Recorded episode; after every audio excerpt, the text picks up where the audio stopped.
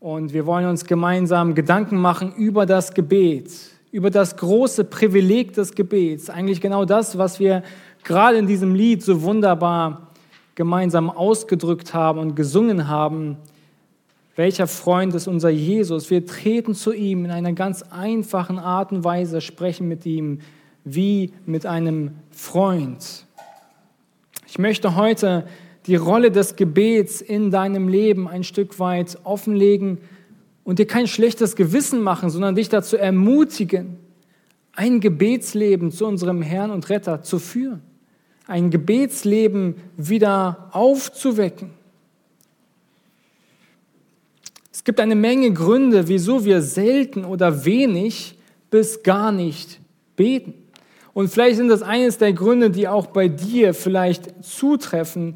Vielleicht hast auch du einige verdrehte Vorstellungen vom Gebet und deshalb betest du nicht. Nun, was könnten einige verdrehte Vorstellungen vom Gebet sein oder auch von meinem eigenen Leben, warum ich dann deshalb auch nicht bete und das Gebet auch nicht als ein Privileg erachte? Erstens, wir denken, wir können alles allein bewirken. Das ist ein Mythos, der uns praktisch zeigt, dass wir nicht die Weisheit Gottes im Gebet suchen. Wir würden das niemals selbst aussprechen, aber unsere Gebetslosigkeit spricht dafür, dass wir eigentlich mehr Aktivismus brauchen als die Weisheit und die Hilfe Gottes, die wir im Gebet erbitten. In wichtigen Zweifeln, in wichtigen Fragen bitten und suchen wir nicht nach Gottes Weisheit, sondern vertrauen mehr auf uns selbst und unsere Möglichkeiten. Wir sind nicht überzeugt, dass Gott viel mehr tun kann, als wir selbst in einer Stunde schaffen können und deshalb beten wir nicht zuallererst. Eines der weiteren Gründe kann sein, warum du nicht betest, ist, dass deine Beziehung zum Herrn Jesus Christus zum Herrn und Retter, unserem Gott, erkaltet ist. Das kann ein Grund für deine Gebetslosigkeit sein. Sie ist erkaltet, es ist Stillstand in, diesem, in dieser Beziehung. Unsere Begeisterung und unsere Beziehung zur Welt ist größer geworden als die zu unserem Herrn Jesus Christus. Ein Grund der Gebetslosigkeit. Ein weiterer Grund der Gebetslosigkeit ist schlichtweg, wir sehen das Gebet nicht als ein Privileg, sondern als eine Last an. Wir haben nicht selten die Vorstellung, dass Gebet einfach mit einer großen Freude einhergehen muss. Aber das ist es nicht immer. Gebet in einer sündigen Welt eines sündigen Menschen ist Arbeit. Es ist Arbeit, aber dennoch ein großes Privileg. Und genauso wie regelmäßiges Lesen der Schrift, seine Gedanken mit dem Wort Gottes zu synchronisieren, das Wort Gottes zu studieren, Kraft kostet und nicht von selbst aus einfach so passiert, so trifft es auch auf das Gebet zu. Gebet ist ein großes Privileg, denn Gott wirkt, aber es wird von Zeit zu Zeit Kraft kosten, sich die Zeit zu nehmen zu unserem himmlischen Vater mit unseren Anliegen zu kommen und zu bitten. Und das wird letztlich zu Kraft führen. Oder aber, das eines der weiteren Gründe ist, wir sind uns einfach nicht der Wichtigkeit des Gebets bewusst. Und man spricht eigentlich beim Gebet auch vom geistlichen Atem des Christen. Das geistliche Atem des Christen ist eigentlich das Gebet. Und wenn das wirklich so ist, dass das Atem der Atem, das Gebet ist, warum ersticken sich dann so viele Christen selbst? Wieso drehen sich so viele selbst den Hals zu und beten nicht zu unserem Herrn? Die Bibel, sie legt sowohl das Privileg als auch die Notwendigkeit des Gebets klar dar und doch beschreibt es uns etwas als einen stetigen Kampf. Wacht und betet, wacht und betet. Wachsamkeit und Gebet ist etwas, das Hand in Hand geht. Und eines der letzten Gründe noch, die ich hiermit aufführe, eines der Gründe, warum du nicht betest, ist eigentlich ganz offensichtlich. Du hast keine Beziehung zu diesem Herrn und Gott. Er ist für dich heute noch nicht dein persönlicher Retter und deshalb redest du zu ihm nicht persönlich. Und ich möchte heute in drei Punkten mit euch darauf eingehen und euch zeigen, dass das Privileg ein großes, dass das Gebet ein großes Privileg ist. Und ich habe die, diese Predigt überschrieben mit dem Titel Das dreifache Privileg des Gebets. Das dreifache Privileg des Gebets. Und wir schauen uns in diesen drei Punkten an. Erstens, weil ich bei Gott alles Nötige finde. Deshalb ist das Gebet ein Privileg. Zweitens, weil ich durch Christus Gott nahen kann, ist das Gebet ein Privileg. Und drittens, weil ich jederzeit zu Gott kommen soll, ist das Gebet ein Privileg. Das dreifache Privileg des Gebets und wir wollen ein, anfangen mit dem Punkt, weil ich bei Gott alles Nötige finde. Weil ich bei Gott alles Nötige finde. Wenn wir versuchen, Gebet in wenigen Worten auszudrücken, könnten wir es folgendermaßen tun.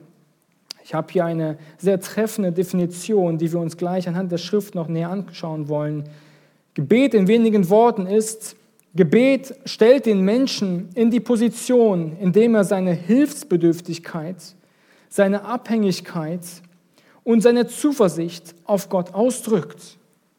Gebet stellt den Menschen in die Position, indem er seine Hilfsbedürftigkeit, seine Abhängigkeit und seine Zuversicht auf Gott ausdrückt. Wir drücken beim Gebet als allererstes unsere Hilfsbedürftigkeit gegenüber Gott aus. Ist dir heute bewusst, dass du hilfsbedürftig bist? Dass du Gottes Hilfe bedarfst? So lasst uns den ersten Text aufschlagen in Johannes Kapitel 15. Johannes Kapitel 15 eines der uns wohl bekannten Worte Jesu. Und ich möchte mit uns die ersten fünf Verse lesen und euer Augenmerk danach richten auf Vers 5. Johannes Evangelium, Kapitel 15, ab Vers 1 bis 5. Dort sagt uns der Herr Jesus selbst, ab Vers 1, ich bin der wahre Weinstock und mein Vater ist der Weingärtner. Jede Rebe an mir, die keine Frucht bringt, nimmt er weg. Jede aber, die Frucht bringt, reinigt er, damit sie mehr Frucht bringt. Ihr seid schon rein um des Wortes willen, das ich zu euch geredet habe. Bleibt in mir und ich bleibe in euch. Gleich wie die Rebe nicht von sich selbst aus Frucht bringen kann, wenn sie nicht am Weinstock bleibt, so auch ihr nicht, wenn ihr nicht in mir bleibt. Ich bin der Weinstock, ihr seid die Reben, wer in mir bleibt und ich in ihm, der bringt viel Frucht, denn getrennt von mir könnt ihr nichts tun. Vers 5 sagt Jesus, ich bin der Weinstock und ihr seid die Reben. Jesus erstellt unweigerlich klar, dass derjenige, der uns gerettet und mit lebendigem Wasser versorgen möchte, derjenige ist, der das nicht einfach nur an, zum Zeitpunkt der Errettung tun möchte, sondern er das täglich in unserem Leben tun will und uns diese Notwendigkeit der Hilfsbedürftigkeit tagtäglich deutlich machen will. Das Evangelium, sich in Erinnerung zu rufen, bedeutet genau das. Es hat mich gerettet und es führt mich Tag für Tag durch. Eine Rebe oder ein Ast, wie Jesus hier beschreibt, das vom Stamm getrennt wurde, wird nicht lange überleben.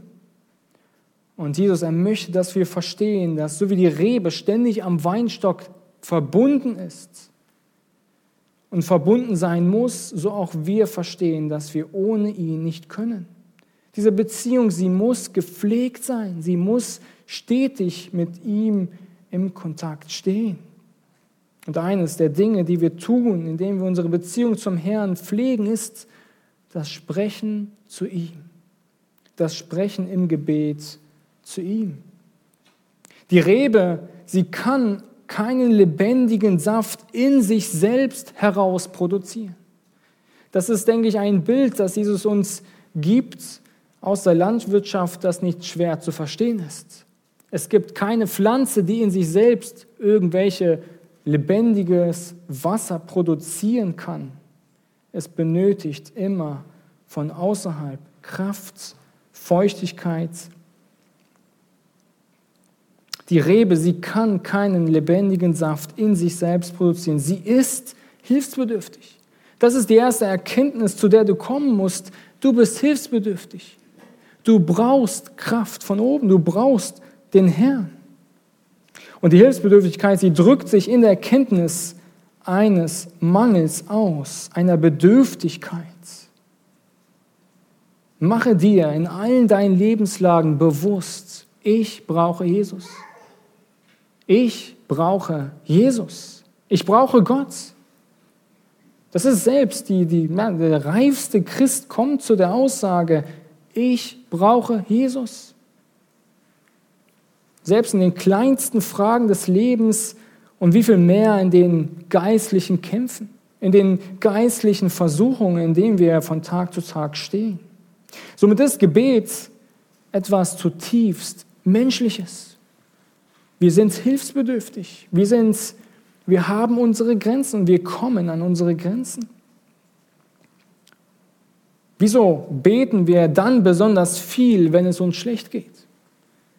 Wenn uns die Weisheit fehlt, wenn wir von der einen und anderen Versuchung übereilt sind, wenn wir wieder in einer schwierigen Situation mit einem Arbeitskollegen, in unserer Ehe oder mit unseren Kindern vielleicht etwas überreagiert haben, wieso sind wir dann besonders bedürftig, erkennen, dass wir Hilfe von außen brauchen?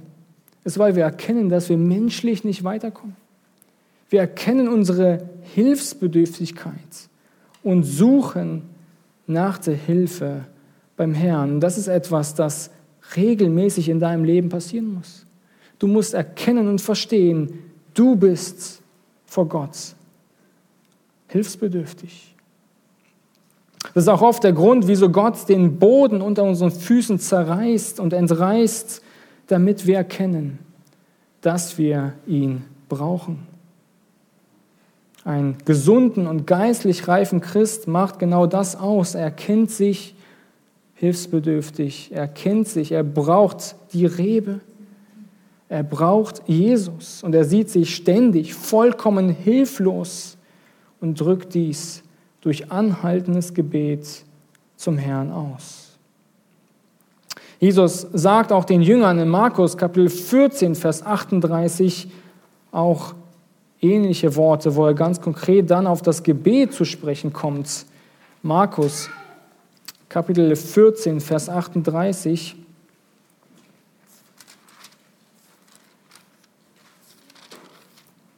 sagt Jesus den Jüngern, wacht und betet, damit ihr nicht in Versuchung kommt. Der Geist ist willig, aber das Fleisch ist schwach. Die Jünger sollten ihre eigene Unzulänglichkeit erkennen. Und kurz vor Jesu Tod im Garten Gethsemane, das ist nämlich die Situation in diesem Abschnitt, stehen den Jüngern starke geistliche Kämpfe hervor.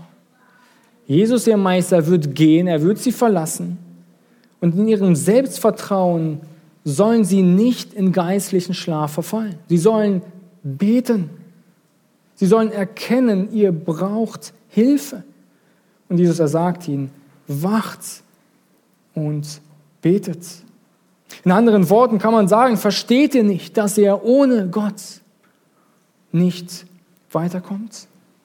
dass ihr ohne Gott hilflos seid und dass ihr von ihm gestärkt werden müsst. Spurgeon, er sagte einst über das Gebet, Zitat, Beten lehrt unsere ganze Unwürdigkeit. Und das ist eine heilsame Lektion für so stolze Wesen, wie wir es sind.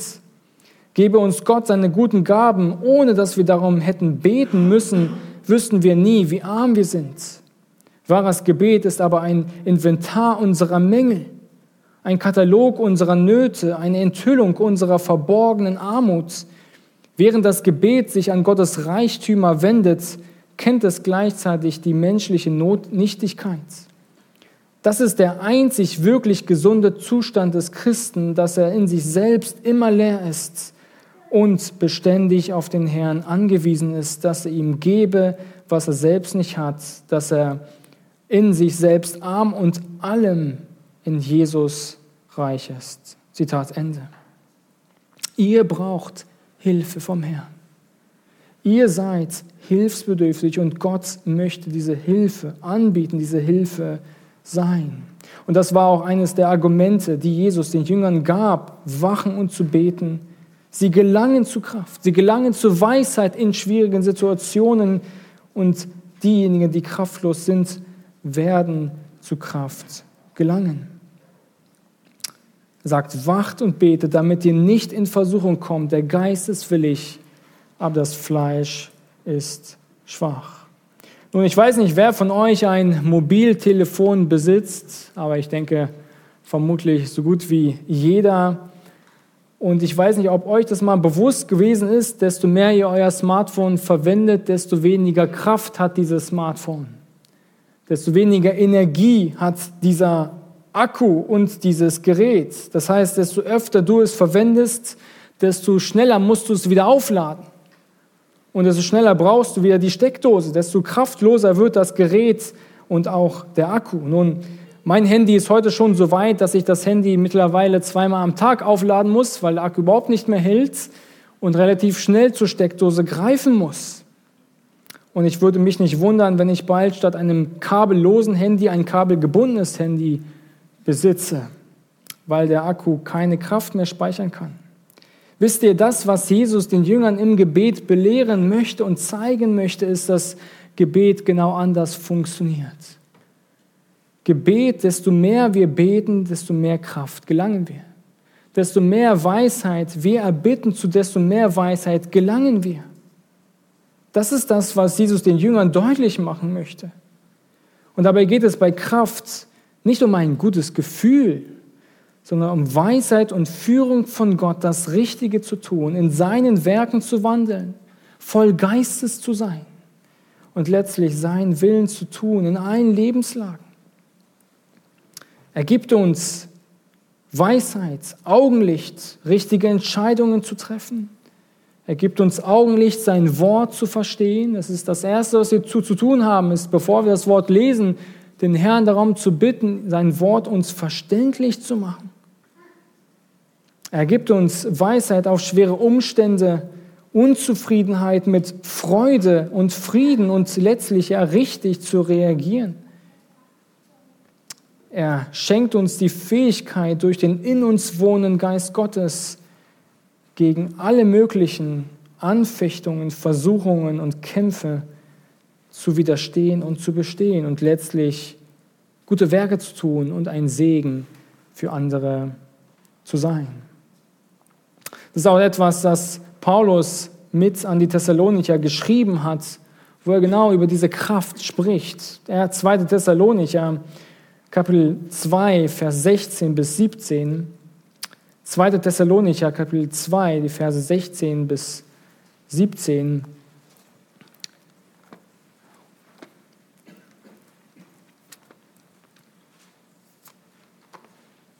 Da lesen wir genau auch davon, wo Paulus spricht und sagt, er selbst aber, unser Herr Jesus Christus und unser Gott und Vater, der uns geliebt hat und uns einen ewigen Trost und eine gute Hoffnung gegeben hat durch Gnade, er tröste eure Herzen und stärke euch in jedem guten Wort und Werk. Er tröste eure Herzen und stärke euch in jedem guten Wort und Werk. Dir fehlt es heute an Weisheit in der Kindererziehung. Dir fehlt es sicherlich heute Weisheit in der Veränderung deiner Ehe. Dir fehlt es heute an Kraft im Kampf gegen die Sünde. Es fehlt dir an eigener Kraft eine Charakterveränderung ohne Gottes Geist der durch Gebet wirkt. Dir fehlt es heute Mut, ein Zeugnis zu sein in dem Umfeld, in dem du heute stehst. Dir fehlt es an Wachstum in vielen, vielen Bereichen und du kannst diese Liste weiter hinzufügen. Wo bist du heute hilfsbedürftig? Und drückst du diese Hilfsbedürftigkeit durch ein Gebetsleben aus? Das dreifache Privileg des Gebets, nun das erste, was wir uns angeschaut haben, das Gebet ist ein Privileg, weil ich bei Gott alles Nötige finde. Es zeigt uns unsere Hilfsbedürftigkeit. Das zweite, Gebet zeigt unsere Abhängigkeit. Die Abhängigkeit, sie geht ein Stück weit weiter als die Hilfsbedürftigkeit, denn sie äußert sich äußerst praktisch. Wenn wir zurückgehen zu Johannes 15, dann lesen wir dort weiter. Er sagt zunächst, ja, wer in mir bleibt und ich in ihm, der bringt viel Frucht. Und dann sagt er weiter, denn getrennt von mir könnt ihr nichts tun. Denn getrennt von mir könnt ihr nichts tun. Wenn wir sagen, dass wir von Gott abhängig sind, dann sagen wir, dass wir die Hilfe Gottes absolut notwendig haben und gleichzeitig alles dafür tun, dass wir diese Hilfe Gottes in Anspruch nehmen.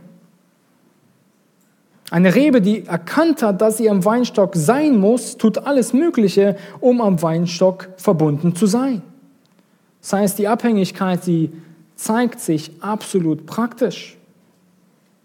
Die Abhängigkeit im Gegensatz zur Hilfsbedürftigkeit, sie geht einen Schritt weiter und ergreift die Hilfe ganz, ganz praktisch. Ich kann heute erkannt haben, dass ich krank bin, aber dennoch die Empfehlungen des Arztes, der Medikamente verweigern. Wahre Hilfsbedürftigkeit und echte Abhängigkeit, sie sieht anders aus. Sie drückt es praktisch aus. Und das, was die Kinder tun, sie kennen ihre Hilfsbedürftigkeit und sie drücken ihre Abhängigkeit aus, indem sie relativ regelmäßig, laut, unaufhörlich, prägnant, deutlich und manchmal mit aller Kraft nach den Eltern rufen. Sie zeigen ihre Hilfsbedürftigkeit und ihre Abhängigkeit, indem sie nach ihren Eltern rufen. Jesus, er spricht in Johannes 15 nicht von einem einmaligen Gebet oder einer einmaligen Gemeinschaft, sondern er spricht von einem Gebetsleben, das wir mit ihm führen. Etwas, das er selbst vorgelebt hat. Ja, wer das einmal gerne nachlesen und studieren möchte, empfehle ich das Lukas-Evangelium einfach mal zu beobachten, wie das Gebetsleben Jesu dort beschrieben wird und wie sehr er seine Hilfsbedürftigkeit und Abhängigkeit praktisch ausgelebt hat. Wir behandeln das Gebet nicht wie das Atmen, wir behandeln es wie verschreibungspflichtige Medikamente, die uns von einer Infektion befreien sollen.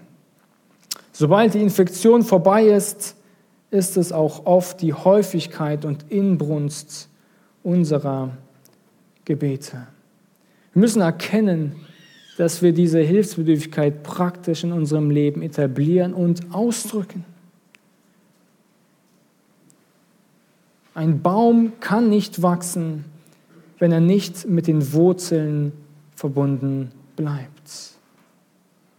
Ein Baum kann nicht wachsen, wenn er sich die, seine Wurzeln nicht nach dem Wasser ausstreckt.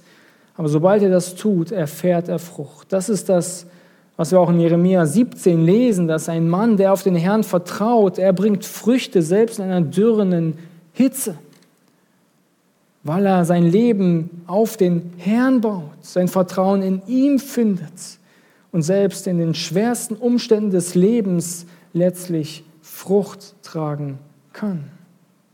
Zeigst du heute, dass du abhängig bist von Gott? Drückst du heute praktisch aus, dass der Herr wirklich derjenige ist, von dem du abhängig bist?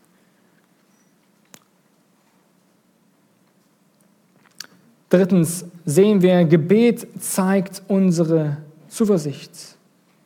Das dreifache Privileg des Gebets, weil ich bei Gott alles Nötige finde. Und drittens die Hilfsbedürftigkeit, die Abhängigkeit. Und drittens die Zuversicht. Gebet zeigt unsere Zuversicht.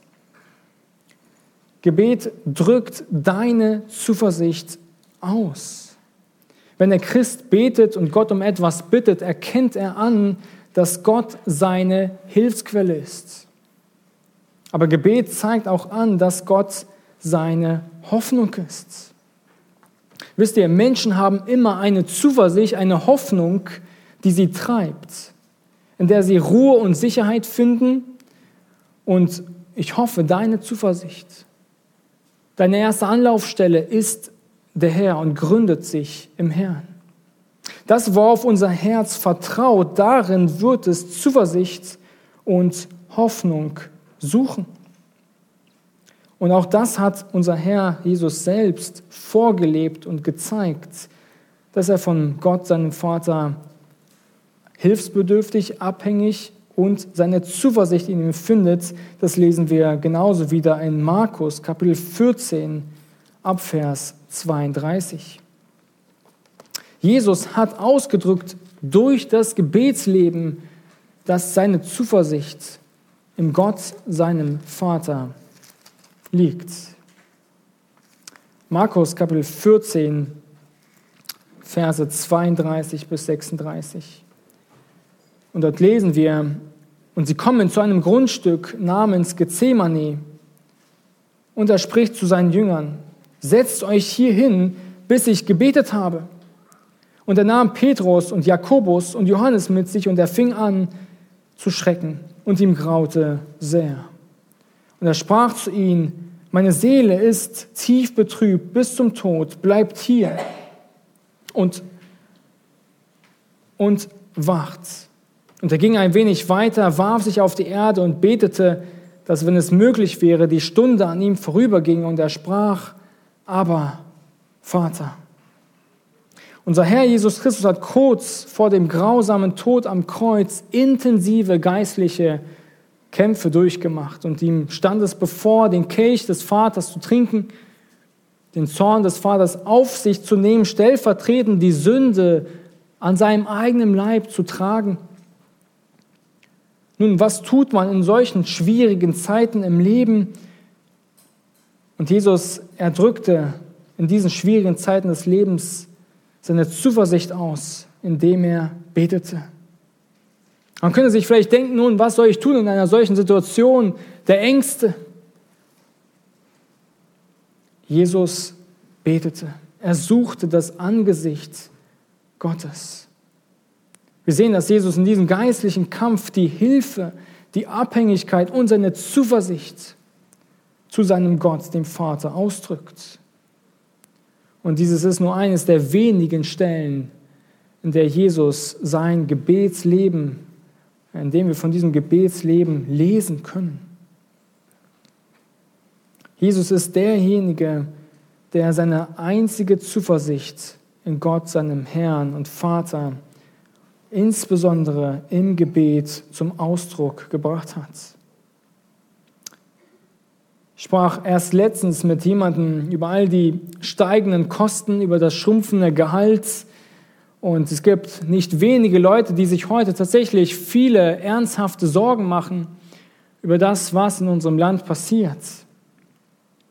Und das, was ich ihm zuallererst gesagt hatte, ist, dass wir ja auf Gott vertrauen können dass wir Gott um Weisheit bitten können. Wir können beten. Und dieser sagte mir gleich zunächst, ja, jetzt bleibt uns ja vermutlich nichts anderes mehr übrig. Jetzt bleibt mir vermutlich nichts anderes mehr übrig, als Gott zu vertrauen. Nun ist das nicht oft auch etwas, das in unseren Köpfen relativ festsitzt? Wir denken, wir brauchen Gott nur dann, wenn wir wirklich in Not sind. Erkennen wir nicht, dass wir eigentlich ständig hilfsbedürftig, abhängig sind und dass unsere einzige Zuversicht in allen Lebenslagen der Herr ist? Du denkst, erst jetzt solltest du Gott vertrauen, ihm dein Leben anvertrauen, dein Leben geben. Du denkst, Gebet zu Gott ist ein Reserverat.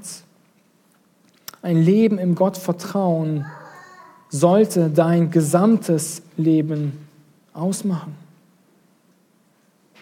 Die Frage ist, wohin gehen wir bei Fragen, die unsere Seele bedrücken?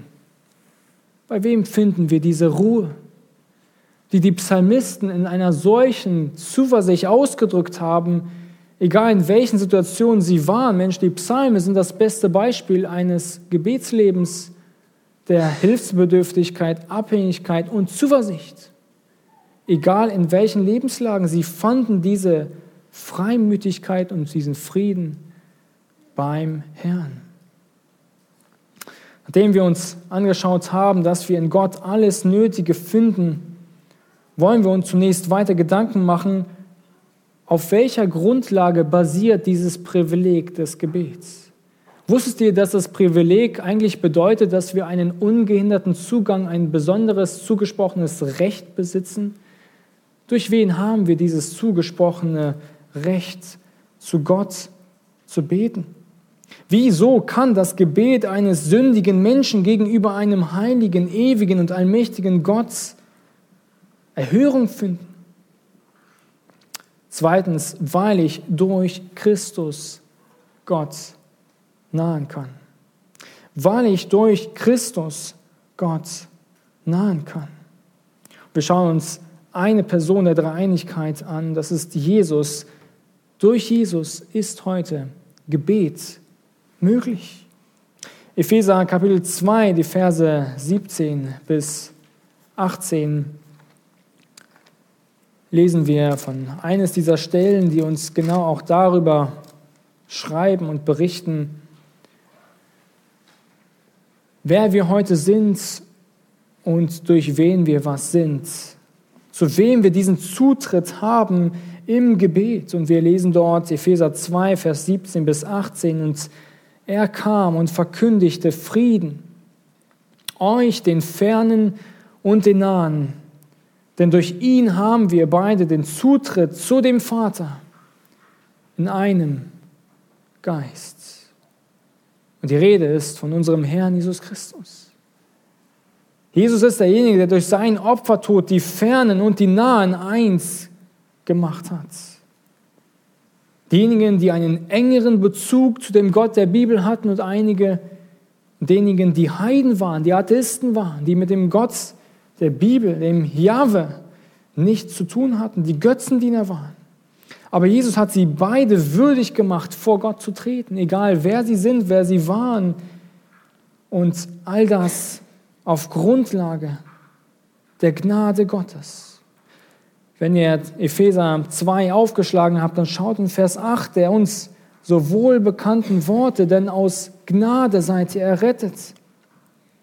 Durch den Glauben, und das nicht aus euch, Gottes Gabe ist es, nicht aus Werken, damit niemand sich rühme, denn wir sind seine Schöpfung erschaffen in Christus Jesus zu guten Werken, die Gott zuvor bereitet hat, damit wir in ihnen wandeln sollen.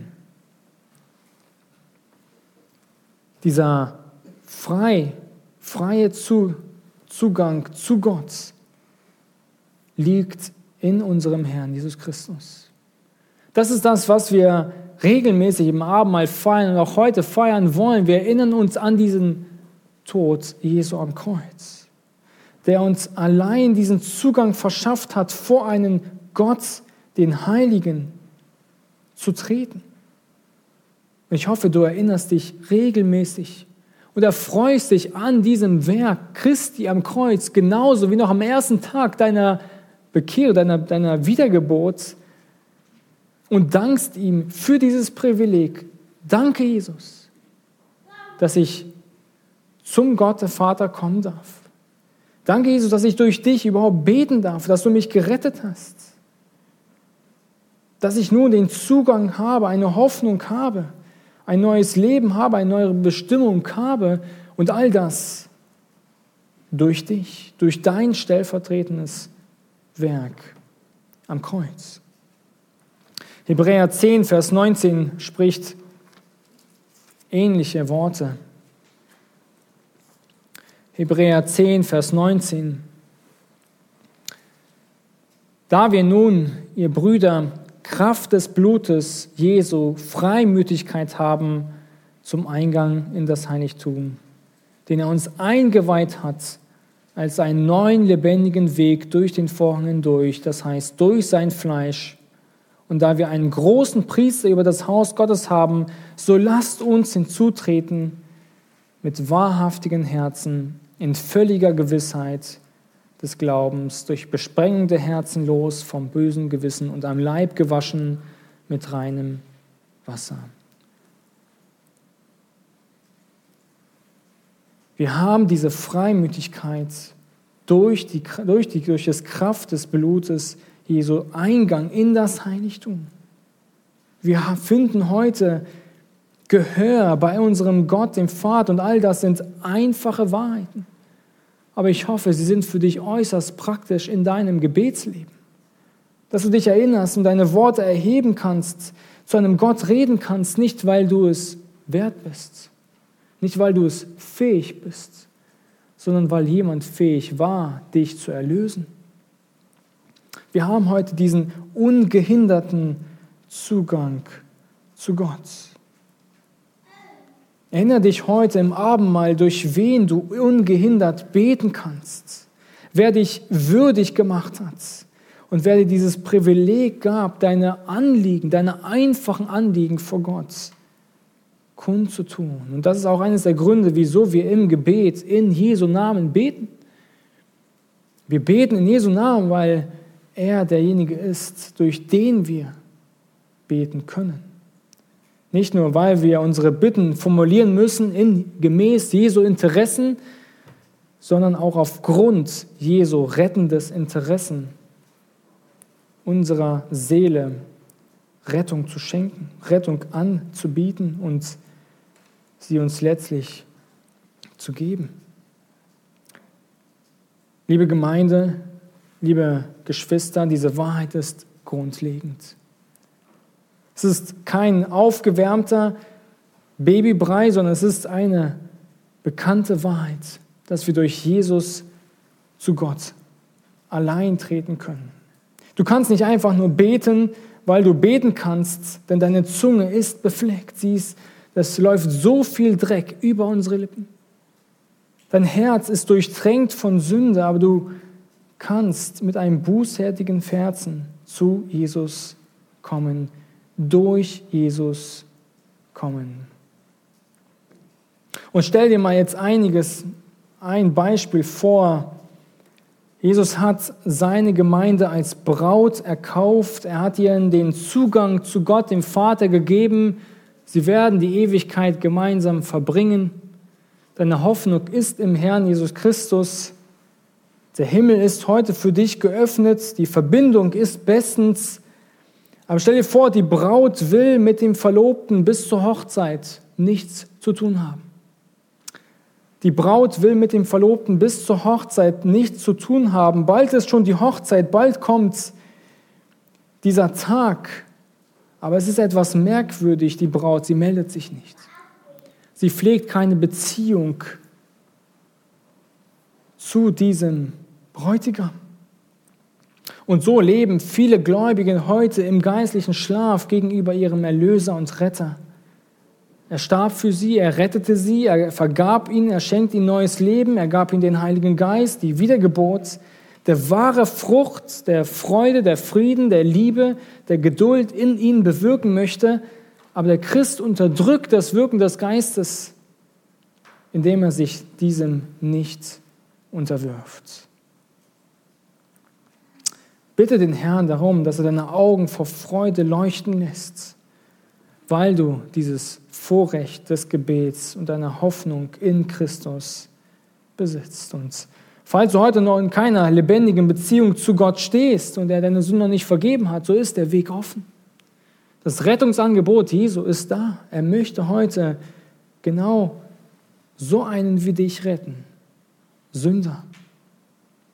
Und selbst da ist das erste Zugang das Gebet, das Bekenntnis meiner Hilfsbedürftigkeit, meiner Sündenlast, meines Sündenproblems konnten uns daran erinnern, dass Jesus der, die Grundlage ist für den Zugang zu Gott, für das Gebet, das wir sprechen. Unsere Beziehung, die gestört war, sie ist wiederhergestellt. Wir können in diese ungehinderte Gemeinschaft mit Gott treten. Das Gebet ist durch Jesus möglich und wir haben uns angeschaut, dass wir bei Gott alles Nötige finden. Und zuletzt möchte ich mit euch ganz kurz betrachten, wieso das Gebet ein Privileg ist, weil ich jederzeit zu Gott kommen soll. Weil ich jederzeit zu Gott kommen soll. Nun, die Bibel legt sowohl das Privileg als auch die Notwendigkeit des Gebets klar dar. Und es scheint vielleicht hier jetzt an dieser Stelle vielleicht etwas widersprüchlich. Wie kann eine Pflicht ein Privileg darstellen? Wie kann eine Pflicht ein Privileg darstellen? Nun, es gibt einige Menge wichtige Dinge unseres Lebens, die sowohl unsere Pflicht als auch ein Privileg darstellen können. Kein Mensch überlebt ohne Nahrung. Deshalb muss er Nahrung zu sich nehmen. Es ist aber auch ein Privileg, weil das Essen auch mit Genuss einhergeht. Paulus sagt über die Arbeit, wer nicht arbeitet, soll auch nicht essen. Arbeit stellt eine Pflicht dar, aber es ist auch eine Regel, ein, ein Privileg, da dies die grundlegende Auslebung der Berufung eines Menschen ist. Und der Regel auch Freude bereitet, wenn wir unsere Berufung, sei es als Mama, als ähm, Papa zu Hause oder als Kind Gottes in dem Stand, wo wir heute sind, der Arbeit nachgehen und auch Studium ist Arbeit. Und so ist auch das Gebet. Es ist ein Privileg, aber auch eine geistliche Disziplin, eine Notwendigkeit, wozu wir uns immer wieder als Christen daran erinnern müssten.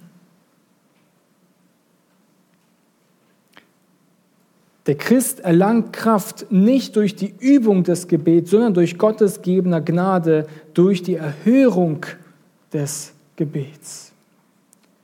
Das Gebet ist notwendig, weil wir losgelöst von Gottes lebensspender Gnade nichts tun können. Das Gebet ist sowohl ein Privileg, aber es bleibt ein stetiger Kampf. Und ich glaube, du hast es auch in deinem Leben bereits schon nicht einmal beobachtet, dass das Gebet nicht wenig mit Wachsamkeit und Kampf zu tun hat. Und ich denke, eines der Dinge, die uns helfen können, uns immer wieder vor Erinnerung, zur Erinnerung zu rufen, ist, sich vor Augen zu holen, dass das Gebet eine Notwendigkeit ist. Es ist etwas, das in deinem Leben notwendig ist. Weil du drückst dadurch deine Hilfsbedürftigkeit aus, du drückst dadurch deine Abhängigkeit aus und du drückst dadurch deine Zuversicht aus. Und durch all diesen drei Dingen kannst du auch woanders finden und suchen. Nur wenn du von der Notwendigkeit des Gebets überzeugt bist, wirst du ein hingegebenes, erwartungsvolles und ausdauerndes Gebetsleben führen. Eine Stelle, die Jesus uns deutlich macht, ist Lukas Kapitel 18. Lukas Kapitel 18, Vers 1.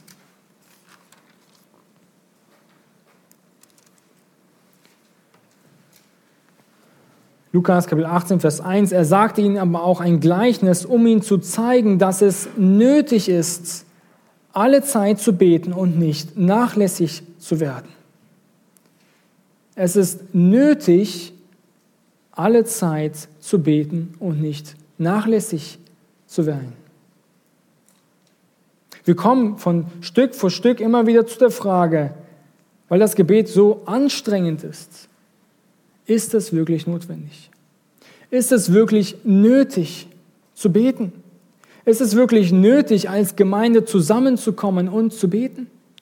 Ist es nötig, regelmäßig für meine Freunde und Bekannte zu beten, die heute noch nicht gläubig sind? Ist es nötig, für den Prediger am Sonntag zu beten? Es ist nötig, für meine Familie zu beten. Es ist nötig zu beten für die Ausbreitung des Evangeliums. Jesus sagt, es ist nötig, alle Zeit zu beten und nicht nachlässig zu werden. In all den Momenten, wo du zu der Zweifel kommst, sollte ich mir Zeit nehmen für das Gebet. Sei es als Familie oder sei es auch selbst persönlich oder als Gemeinde, als Geschwister musst du überzeugt sein, fest überzeugt sein von der Notwendigkeit des Gebets. Der Notwendigkeit, Gott um Segen zu bitten und das ausdauernd immer wieder und nicht nachlässig. Einige weitere Stellen, Lukas 22, Vers 46, Lukas 22, Vers 46, und er sprach zu ihnen, was schlaft ihr? Steht auf und betet, damit ihr nicht in Anfechtung geratet. Eine weitere Stelle aus 1. Thessalonicher 5, Vers 17. Nun, betet ohne Unterlass. Betet ohne Unterlass. Und Johannes 15, Vers 7. Wenn ihr in mir bleibt und meine Worte in euch bleiben, so werdet ihr bitten, was ihr wollt, und es wird euch zuteil werden. Gott möchte, dass seine Kinder Freude am Gebet entdecken. Und wenn Jesus den Jüngern sagt, sie sollen bitten, impliziert das dieses gegenwärtige, aktive Imperativ, dieses stetige vor Gott treten. Er möchte, dass wir Gebet zu einer Gewohnheit machen und ständig vor Gott treten. Verstehst du, dass es nötig ist, alle Zeit zu beten. Egal unter welchem Druck du stehst, egal unter welcher Erschöpfung du stehst, egal wie viel Arbeit vor dir steht, erkennst du die Notwendigkeit, vor Gott zu treten und die Abhängigkeit auszudrücken? Jesus hat in den schwersten Momenten seines irdischen Lebens das Gebet als höchste Priorität gesehen. Nun, zum Schluss möchte ich dir drei Punkte noch mitgeben, die dir helfen sollen, vielleicht Gebet, das Gebetsleben in deinem Leben noch mehr zu etablieren. Erstens, mache Gebet zu einem Lebensstil. Mache Gebet zu einem Lebensstil unregelmäßig. Bete da, wo du Möglichkeiten hast, für Menschen, die dir über den Weg kommen, egal wo du bist. Wir können vor Gott im Gebet treten. Das kann unterwegs sein, im Auto, in der Bahn, es kann in den Gedanken, im Spaziergang sein, durch den Wald, zu Hause in einem ungestörten Raum. Es geht nicht um ein formales, schön klingendes Gebet, es geht um eine Beziehung zu Gott, ein Ausdruck unserer Hilfsbedürftigkeit, Abhängigkeit und Zuversicht. Spreche offen mit dem Gott, deinem Vater. Zweitens, gebe Gebet in deinem Leben einen Platz. Gebe Gebet in deinem Leben einen Platz. Bete regelmäßig an einem bestimmten Zeitpunkt. Es kann hilfreich sein. Als Familie am Abend in der Familienandacht gemeinsam einen Tag festzusetzen. Aber auch für dich, wenn die Woche voll ist, gib Gebet einem Platz in deinem Tagesablauf, den du in der Regel einhalten kannst. Und es bietet sich in der Regel an, im Anschluss der Bibellese.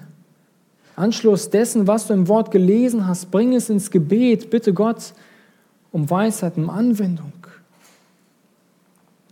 Und such dir einen Platz am Tag, an dem du beten kannst.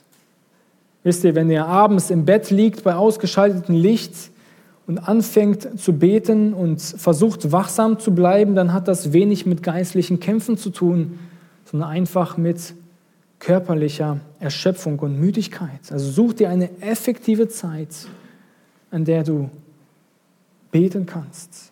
Und drittens, überprüfe den Inhalt deines Gebets. Überprüfe mal den, dein Gebet, wie viel Prozent du hiervon für ewige Seelen betest. Wie viel betest du im Gebet für Seelen, für Menschen?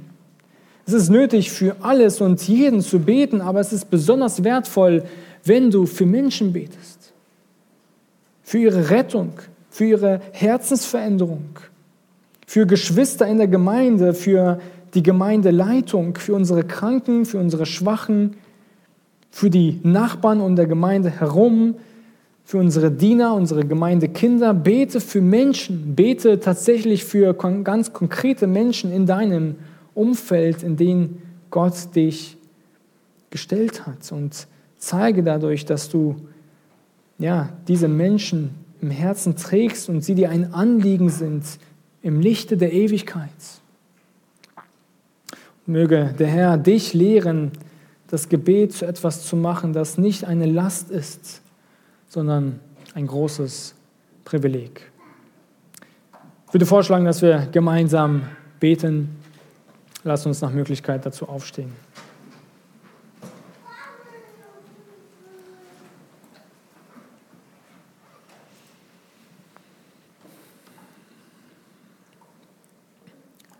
Großer Gott, wir kommen zu dir, großer himmlischer Vater, wir danken dir, dass wir durch deinen Sohn Jesus Christus zu dir treten können. Wir erinnern uns auch heute daran, dass du stellvertretend dein Leben gabst, dass du uns sterbliche, sündige Wesen gerettet hast, freigesprochen hast und auch heute noch mehr freisprechen willst, das Rettungsangebot ist auch heute noch da und wir danken dir dafür, dass jeder Einzelne hier, der das bereits erfahren hat, zu dir im Gebet treten darf, zu dir sprechen darf. Wir wollen dich darum bitten, dass du uns hilfst, dass du uns wirklich ein Anliegen bist in unserem praktischen, tagtäglichen Leben, dass wir dich suchen, dass wir dich immer wieder im Gebet suchen, Herr, und zu dir sprechen. Wir bitten dich um deine Gnade und deinen Segen, bitten dich auch für die Gemeinde hier vor Ort, bitten dich darum, dass du noch viele, viele Menschen retten und erreichen mögest, dass du deine Gemeinde hier baust und auch das erbitten wir im Gebet und bitten dich darum, dass du uns ja, durch deine, durch den inneren Menschen gestärkt hilfst, den Dienst zu tun, in den du uns heute gestellt hast, auch in der nächsten Woche, die vor uns liegt. In Jesu Namen beten wir. Amen.